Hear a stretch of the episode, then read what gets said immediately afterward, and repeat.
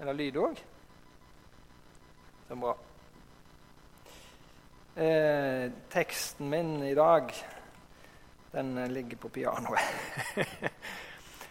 jeg skal lese opp eh, teksten min, holdt jeg på å si. Det som står på disse papirene, her, det er sikkert 50-60 Guds ord. Så resten er ting som jeg skal si, da.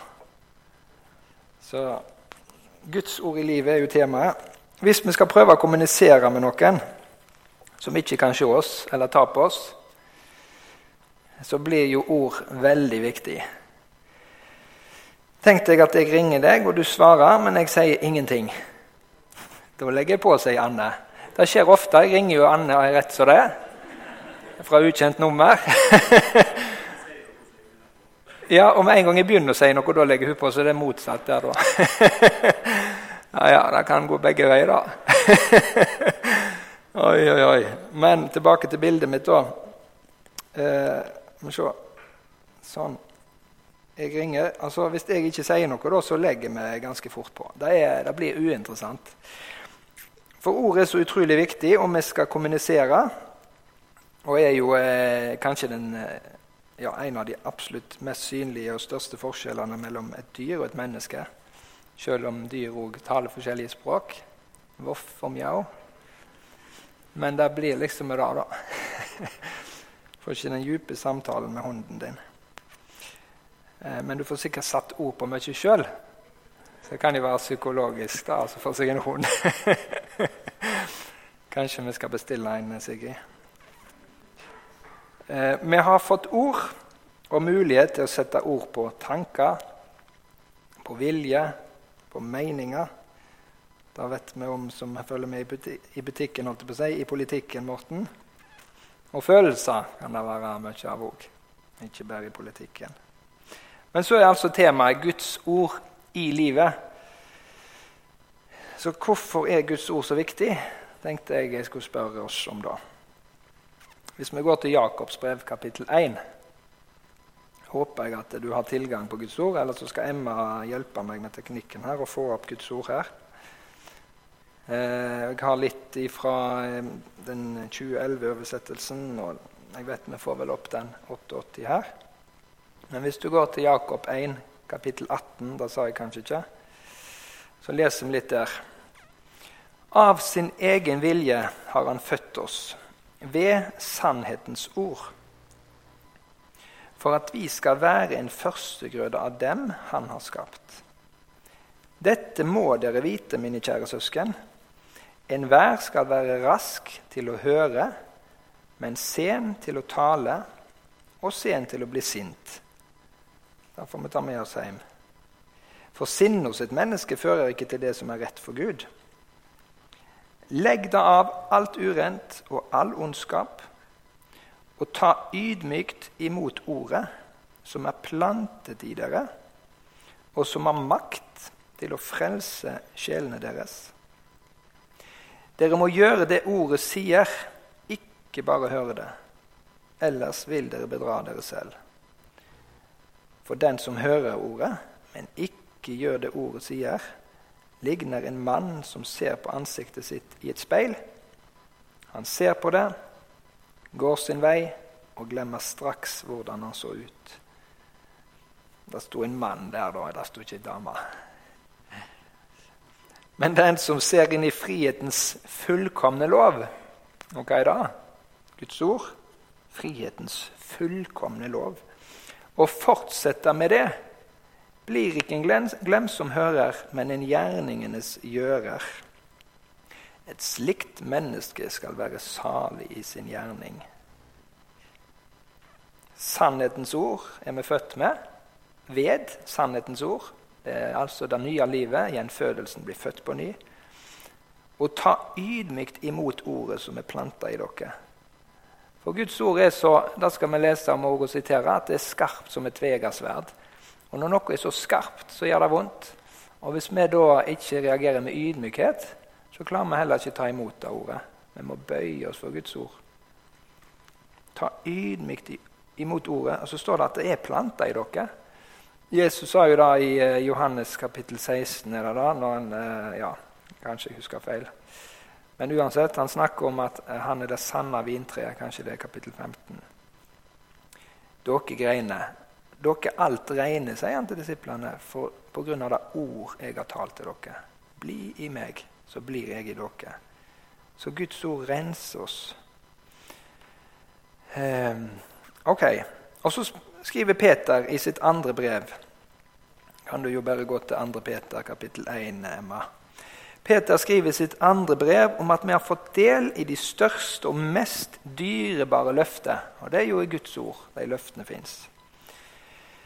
Og så skriver han til dem at vi vil stadig på ny sier han, minne dere om de grunnleggende sannhetene, enda dere kjenner til det og er grunnfesta i den sannheten som er kommet til dere.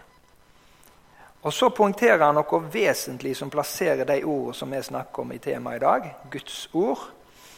Det plasserer det i en helt egen posisjon, skilt fra menneskelige ideer og tanker. Og òg skilt ifra hva andre religioner og, eh, ja, måtte mene og påstå er sant. Eh, 2. Peter kapittel 1 vers 16-21 kan vi lese. Jeg leser her ifra litt sånn blanding mellom 11 og 18 sikkert. Vi fulgte jo ikke klokt uttenkte eventyr da vi kunngjorde for dere vår Herre Jesu Kristi kraft og Hans komme, sier Peter. Nei, vi var øyenvitner og så Hans guddommelige storhet. For han fikk ære og herlighet av Gud, sin far, den gang røsten lød over ham fra den høyeste herlighet. Husker den historien? De var på fjellet. Johan, Peter, Jakob og Johannes i lag med Jesus. Så kommer Moses og Elias og viser seg for dem og samtaler med Jesus. Så hørte de 'Dette er min sønn', lød det fra himmelen. 'Den elskede'. I ham har jeg min glede, eller i ham har jeg velbehag. Så sier han, vi hørte selv denne røsten fra himmelen da vi var sammen med ham på det hellige fjellet. Derfor står også profetordet så mye fastere for oss. Eller som det står her, desto fastere har vi det profetiske ord. Veldig lyrisk og fint. Dette ordet gjør dere rett i å holde fast på. Det er én ting holde fast på Guds ord. Det er en lampe. Guds ord er et lys på min sti. Nei, lys for min fot. Nei, lykt for min fot og et lys på min sti, står det i Salme 119. Det husker vi helt sikkert. Det er som en lampe som lyser på et mørkt sted til dagen gryr og morgenstjernen stiger opp i deres hjerter. Det er veldig fint. Ser du det for deg, Svein? Om morgenen? Hvordan Guds, Guds ord kommer, morgenstjernen stiger opp i hjertet ditt. Det er flott, altså. Eh, men dere må framfor alt vite at en ikke kan tyde noe profetord i Skriften på egen hånd. For aldri ble noen profeti båret fram fordi et menneske ville det. Men drevet av Den hellige ånd talte mennesker ord fra Gud. Her står det men de hellige Guds menn talte drevet av Den hellige ånd. Jeg synes det var fint her. Den, men drevet av Den hellige ånd talte mennesker ord fra Gud. Og I Hebreerbrevet 4,12 så står det òg et kjent vers. Så skal jeg bare si noe. Og da er da at dette profetordet er ord fra Gud. Det er da er profetordet. Det er et ord fra Gud som skaper det det nevner. Hebreerne 4,12. For Guds ord, det er levende. Hva ord som er det? Levende. Og virksomt det vil si at det med en gang det er lest eller sagt, uttalt, så er det ikke bare levende der og da, men det virker. Det ligger, det er liv i det. Det er liv i Guds ord. Det ligger og virker.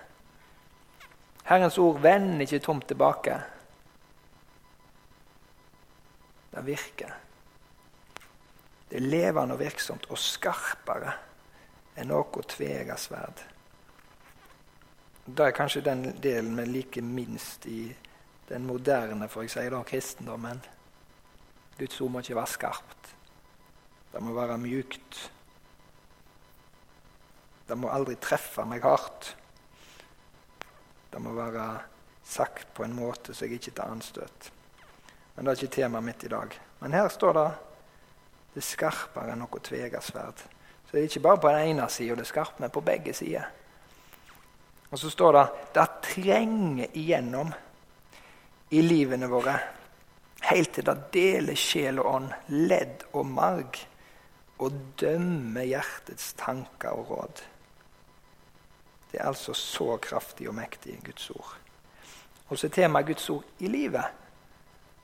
Så det kan jo være litt utfordrende, da, med Guds ord i livet.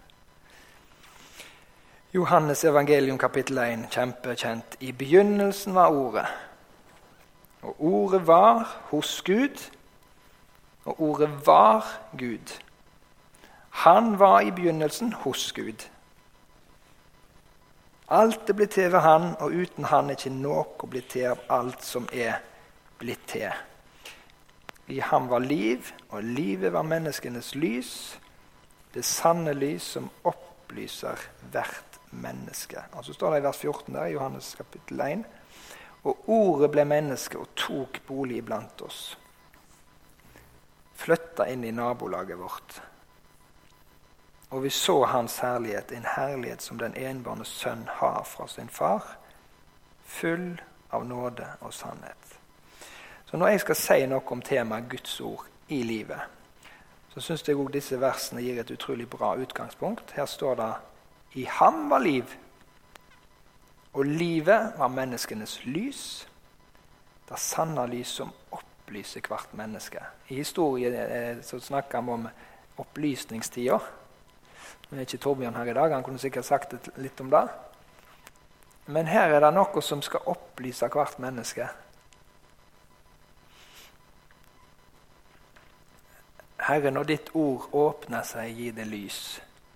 Det i salmene. Det gir lys.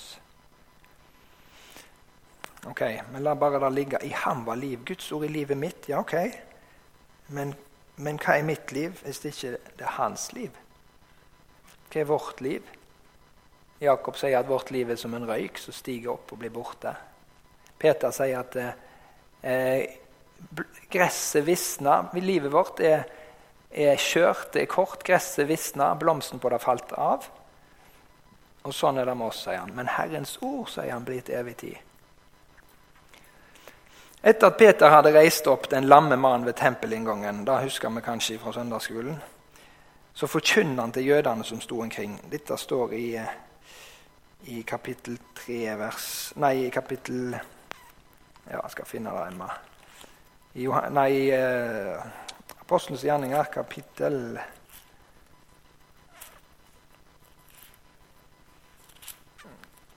Kapittel 3. Jeg vet ikke om jeg siterer så mye derfra. Jo, jeg gjør det. Eh, så sier han eh, Og ved troen, i vers 16 Ja. Ved troen på Jesu navn har dette skjedd, sier Peter. For det navnet har gitt styrke til denne mannen, som dere både ser og kjenner.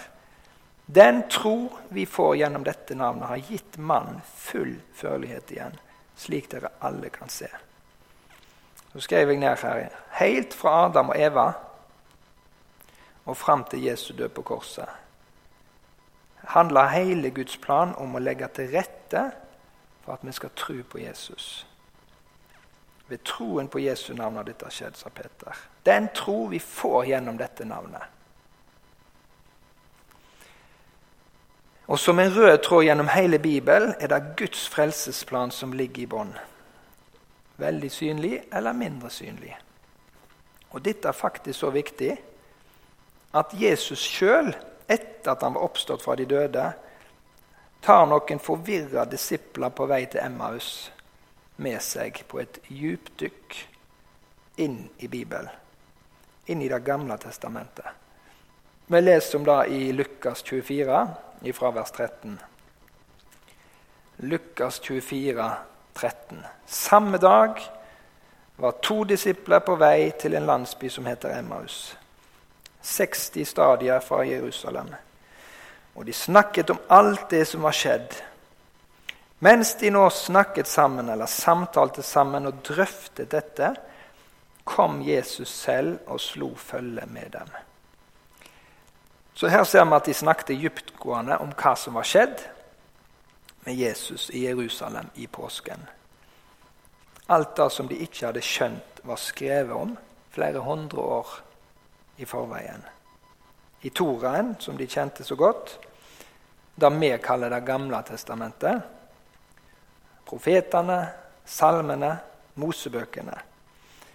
Men de skjønte det ikke, fordi de ikke hadde opplevd det Jesus hadde snakket om før han døde. Han snakket mye, men det jeg sikter til, står om i Johannes 16, vers 13. Og Der står det men når sannhetens ånd kommer, skal han veilede dere til hele sannheten. For han skal ikke tale ut fra seg selv, men si det han hører, og gjøre kjent for dere det som skal komme. Han skal herliggjøre meg, for han skal ta av det som er mitt, og forkynne det for dere. Alt det som min far har, er mitt. Derfor sa jeg at han skal ta av det som er mitt, og forkynne det for dere. Den delen hadde de ikke opplevd ennå. At Den hellige ånd kom og ga lys i ordet. Jesus sa til fariseerne dere far vil fordi dere kjenner ikke Skriften og heller ikke Guds kraft. Det var ingen andre som kjente Skriften så godt som fariseerne. De kunne det på rams, men de hadde ikke åpenbaring. Så tilbake til det som skjedde på veien til Emmaus. Vi leste jo at de snakket om alt det som var skjedd, mens de nå samtalte sammen og drøfta dette. leste, Men så kom Jesus sjøl og slo følge med dem. Og Der syns jeg at det, der, der fins en, eh, en, enkel, men viktig åpenbaring. Nemlig at når Jesus blir samtaletema, når det som er skjedd, som jeg leste, altså ting som det er skrevet om i Bibelen, når Guds ord er samtaletema mellom oss, eller bedre forsvirre rundt i tankene våre, meditere på Guds ord, grunne på Guds ord, Salig er den mann som er planta eh, står det om ved en bekk, som grunner på Guds ord dag og natt. Når vi grunner på ordet og samtaler om det, da er det fine at vi kan få besøk av Han som er det vi leser. Av Han som er det vi samtaler om. Om Han det står skrevet om av ordet sjøl. Ordet blei jo menneske og tok bolig blant oss, leste vi. Jesus kom i egen person og slår følge med oss. Han tar bolig blant oss, og han vil bo i oss. Han er med andre ord i lag med oss. Han er hos oss.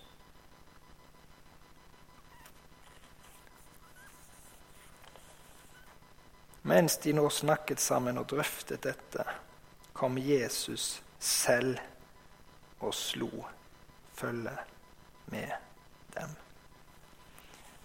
Det er for meg Guds ord i livet.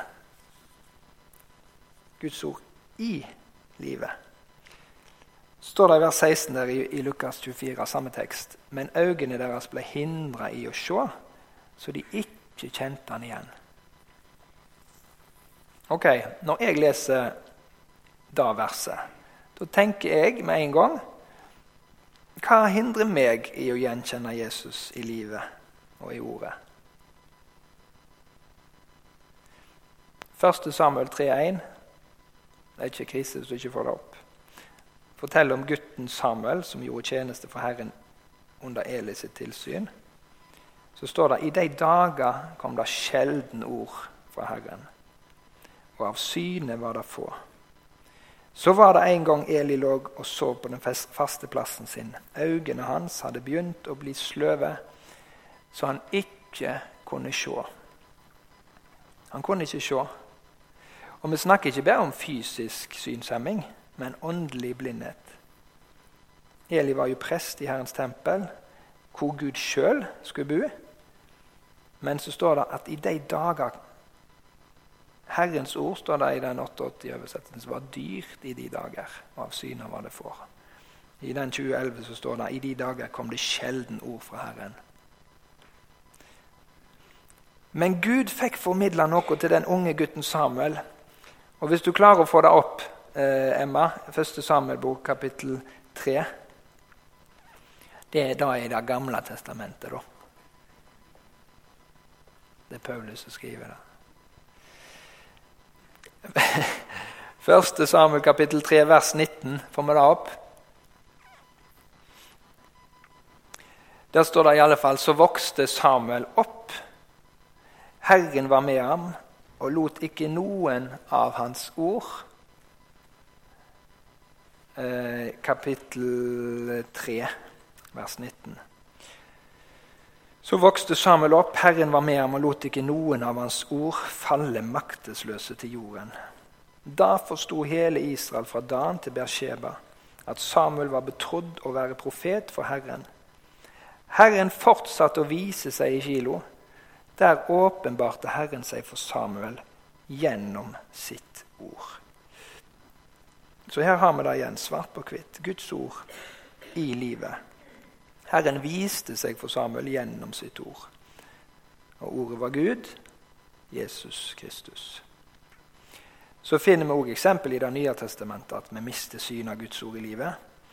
Hvis du kommer deg til Hebreabrevet kapittel 5, Emma, vers 11. Eh, Sjøl etter at Jesus er tilbake i himmelen, og Den hellige ånd er sendt for å hjelpe oss kristne å forstå Bibelen og kjenne Jesus, Hebreabrevet underviser om Jesus, Guds ord, om forsoningen og hva Jesus fullbrakte ved sin døde oppstandelse. Men så tar forfatteren en pause og kommer med følgende melding. Hebreabrevet 5,11. Om dette, skriver han, har vi mye å si dere. Men det er vanskelig å forklare, siden dere er blitt så sløve til å høre.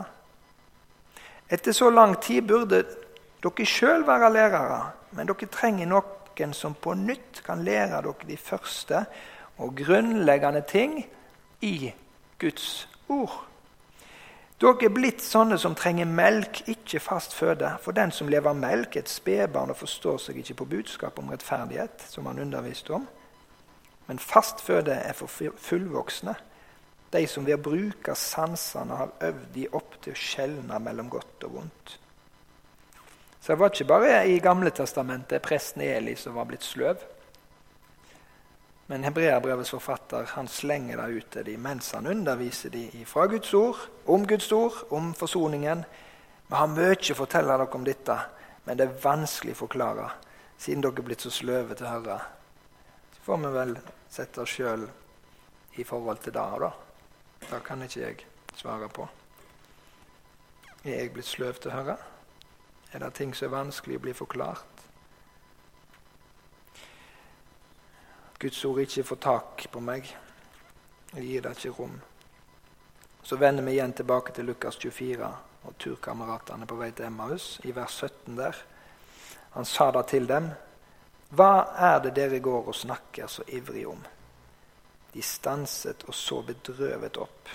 Og den ene, han som het Kleopas, svarte, Du å være den eneste tilreisende i Jerusalem som ikke vet hva som har hendt der i disse dager. Hva da? spurte han. Litt, litt spesielt, da. Jeg tror han hadde det koselig der. Han koste seg litt, Jesus. De kjente han ikke igjen. Han lot de få snakke.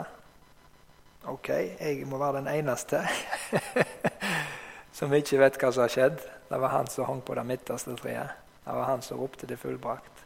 Det var han som ble oppreist på den tredje dag. Ok, sier han. Hva da? Da med Jesus fra Nasaret, svarte de.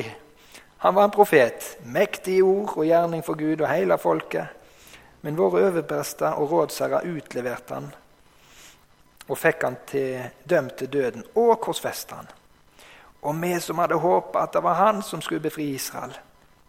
Dessuten, sa de, i dag er det all tredje dagen siden dette hendte, og nå har òg noen kvinner blant oss gjort oss forvirra. Er det ikke ofte sånn da, Ruben? Det er kvinnene som gjør oss forvirra. Får jeg ikke et halleluja en gang, Helge? Nå kommer ABBA-rykket. ABBA! Endelig. Da tror jeg vi avslutter med en sang. Oi, oi, oi. Nei da, men det står her, så jeg kan ikke ta noe fra eller legge noe til. Det er Guds ord. Men de var jo forvirra, disse her òg, så det skal jo være sagt. De var jo ganske forvirra sjøl, disse mennene. da. Så prøvde de, vel ofte sånn det er, kanskje, at vi prøver å skylde det på damene. Oi sann. Sigrid smiler iallfall. Hun kjente seg veldig igjen der. Eh, skal vi se, nå mister jeg jo helt tråden. Det er ofte sånn, da. Komme inn på kvinnene. Men uansett, vi skal klare å finne det tilbake igjen. Eh, noen kvinner blant oss gjort oss forvirra. Jeg så ikke det før nå. altså. Det var en åpenbaring der. De gikk ut til grava tidlig i dag morges, men de fant ikke kroppen hans. De kom tilbake og fortalte at de hadde sett et syn av engler som sa at han lever. Noen av våre gikk da til grava, og de fant det sånn som kvinnene hadde sagt. Men han sjøl så det ikke. Da sa han til dem, så uforstandige dere og så trege til tro. Alt av profetene har sagt. Måtte ikke Messias lide av dette og så gå inn til sin herlighet? Og han begynte å utlegge for dem det som står om han i alle skriftene, helt fra Moses av og hos alle profetene. Den talen skulle jeg likt å hørt. Han tok det gjennom hele Guds ord. Han som er ordet og hos alle profetene. Der står det om dette. Skjult, kanskje for oss, men Den hellige ånd kan åpenbare det. De nærmer seg nå den landsbyen du skulle til, og han lot som han ville dra videre. Men de ba ham inntrengende bli hos oss. Da li mot kveld og dagen helle, da gikk han med inn og blei hos de. Og mens han satt til bords med de, tok han brødet, ba takkebønn, brøt det og ga de. Da ble øynene deres åpna, så de kjente han igjen. Men han blei usynlig for dem. De sa til hverandre, brant ikke hjertet i oss da han talte til oss på veien og åpna Skriftene for oss? Hvis Jesus sjøl brukte bøkene vi nå har samla i Gamle Testamentet for å forklare disiplene hva Guds plan hadde vært, og, å fortelle dem om seg sjøl, tror dere ikke vi trenger å gjøre det samme? De fikk virkelig oppleve Guds ord midt i livet sitt. Midt i sin fortvilelse og forvirring, etter å ha mista det de hadde satt sitt håp til. Opplever vi ikke det i livet av og til, vi òg? At vi blir fortvila og forvirra? Det står om Johannes i Johannes' åpenbare kapittel 1. Eh, Jesu Kristi åpenbaring som Gud gav ham for at han skulle vise sine tjenere det som snart skal skje. Han sendte bud ved sin engel og kunngjorde det i tegn for sin tjener Johannes, som har vitnet om Guds ord og Jesu Kristi vitnesbyrd. Alt det han så. Johannes hadde vitnet om Guds ord. Og så står det i, i vers 9.: Jeg, Johannes, som er deres bror og har del med dere i trengselen og rike og tålmodig Jesus. Jeg var på den øy som kalles Patmos, for Guds ords og Jesu vitnesbyrds skyld. Altså kan Guds ord i livet til Johannes føre han inn i fengsel, i trengsel, i vanskeligheter men òg inn i de største åpenbaringer. Der i fangeskap på øya Patmos blir han bortrykka i ånden og ser Jesus. Og Så står det i åpenbaringen 19.3.: Og han som talte, hadde en kledning dyppa i blod. Og hans navn er Guds ord. Det er ganske flott. Han hadde en kledning dyppa i blod, og hans navn er Guds ord. Så Johannes hadde opplevd fortvilelse. Han hadde opplevd trengsel midt i livet. Men så kommer Jesus sjøl. Ordet som ble menneske og flytta inn i nabolaget. Tok bolig blant oss. Vi leste det nettopp. Mens de nå snakka sammen og drøfta dette, kom Jesus sjøl og slo følge med dem. Når Jesus sjøl kom og slo følge med meg Han tok de ikke ut av situasjonen. Han kom inn i situasjonen. Og så er det han som er Guds ord, som sjøl legger ut ordet for dem. Guds ord forklarte Guds ord. Og Det er en viktig hemmelighet. Summen av Guds ord er sannhet, sier salmene. Når vi leser Bibelen og blir kjent med ordet, i ordet, vil vi stadig oppdage hvordan et vers blir kobla til et annet vers. Én puslespillbrikke faller på plass med den andre, og et stadig større bilde kommer til syne. Og bildet Jesus sjøl. Vi nærmer oss slutten. Det er noen som danser og jubler og har det veldig kjekt. Det er bra. Hebreabrevets forfatter skriver i kapittel 1 i Hebreabrevet, vers 1. Mange ganger og på mange måter har Gud i tidligere tider talt til fedrene gjennom profetene. Gud hadde prøvd mange ganger og på mange måter å få oppmerksomheten deres. Men nå, i disse siste dager, har han talt til oss gjennom Sønnen. Han har Gud innsatt som arving over alle ting. For ved han skapte han verden. Gud talte, og det skjedde. Han bør det, står der. Bli lys, ble det lys. I begynnelsen var Ordet. Ordet var hos Gud. Ordet var Gud. Jesus, Gud sa 'bli lys'. Jesus sa 'jeg er verdens lys'. Så står det i vers 3 der i Hebreabrevet 1. Han er utstrålingen av Guds herlighet og bildet av hans vesen. Og han bærer alt med sitt mektige ord. Han bærer alle ting ved sin kraftsord, står det i den oversettelsen. Så for å avslutte det som skjedde på vei til Emmaus De nærmer seg nå den landsbyen de skulle til, og han lot som han ville dra videre. Det var Guds ord i livet. Han trenger seg ikke på. Han lot som han ville gå videre. Han var en god skuespiller. Men det var jo mening med det, da. Jeg tror det må være en bekreftelse på at han brukte drama. Det var jo et tema når jeg vokste opp. Drama og tromme. Men han brukte altså drama. Men han brukte ikke tromme. Det er vel konklusjonen der, da. I denne sammenhengen. Han trenger seg ikke på. Han lot som han ville gå videre. De kunne altså sagt 'takk for nå', 'takk for praten', 'fint å snakke med deg', og fortsatt livsreisen på egen hånd. Men det står at de ba ham inntrengende 'Bli hos oss, det er kveld'. Da gikk han inn, han gikk med inn og blei hos de. Husker dere den salmen? O, bli hos meg. Nå er det aftentid, og mørket stiger. Dvel, o Herre, bli. Bli hos oss. Når annen hjelp blir støv og duger ei. Du hjelpeløses hjelper, bli hos meg.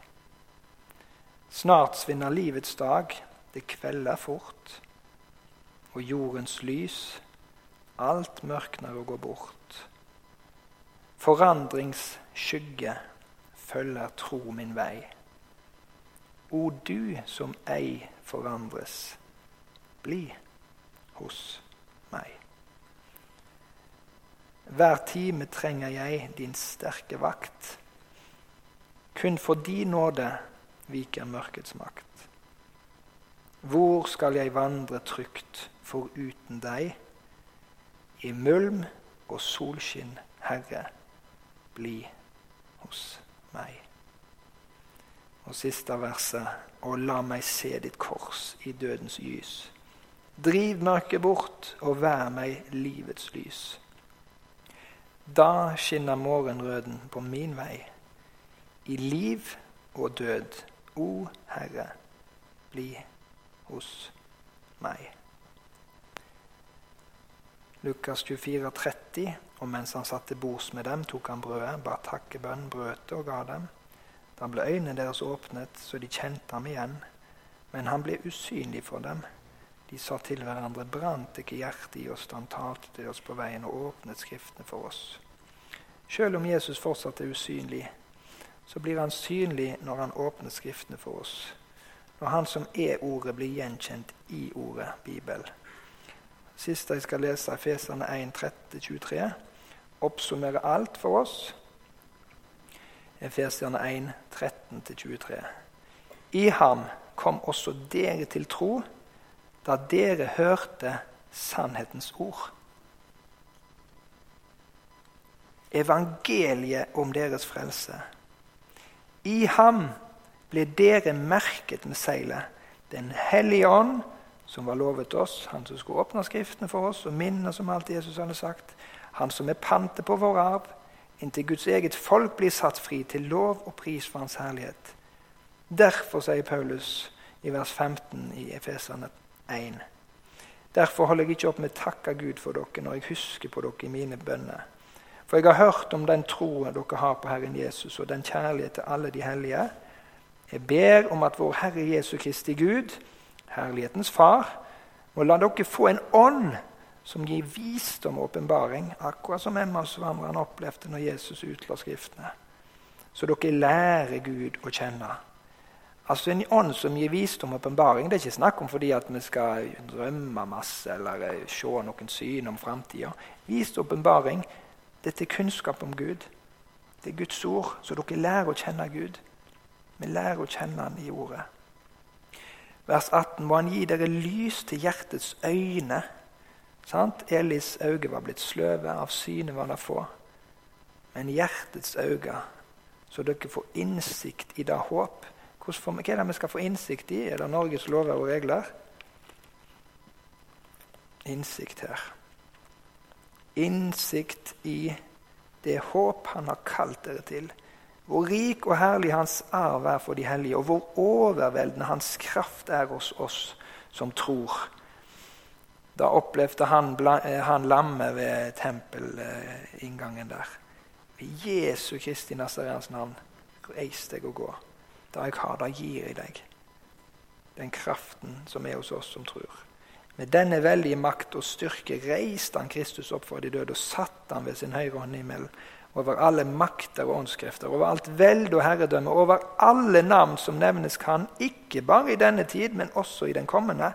Alt la han under hans føtter, og ham, hodet over alle ting, ga han til menigheten, som er Kristi kropp fullt av Han som fyller alt i alle.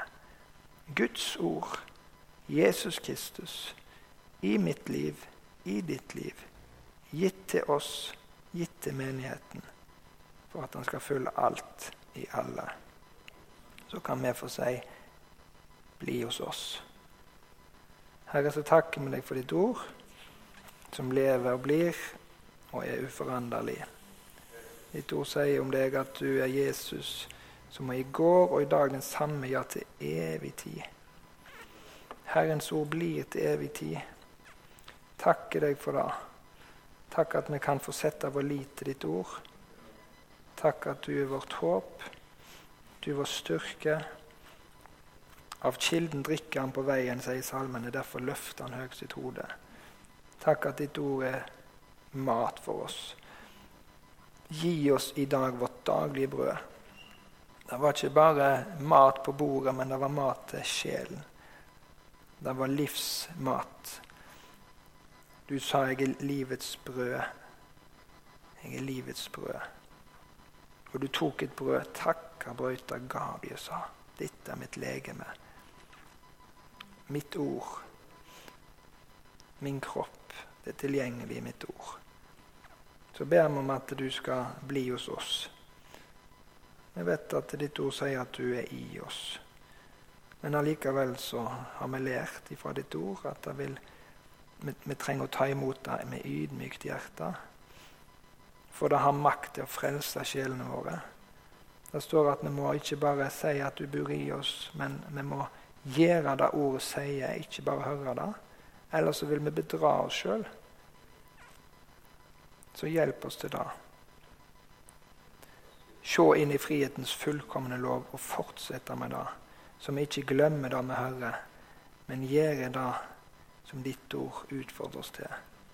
Et slikt menneske skal være lykkelig i sin gjerning. Hjelp oss til det. Takk at det ikke er eventyr som er klokt uttenkt. Men det er ord som Den hellige ånd talte gjennom mennesket. Ord fra Gud. Takk at du er midt iblant oss ved ditt ord. Amen. Vil du takke Jesus for den han er så? Kan du gjøre?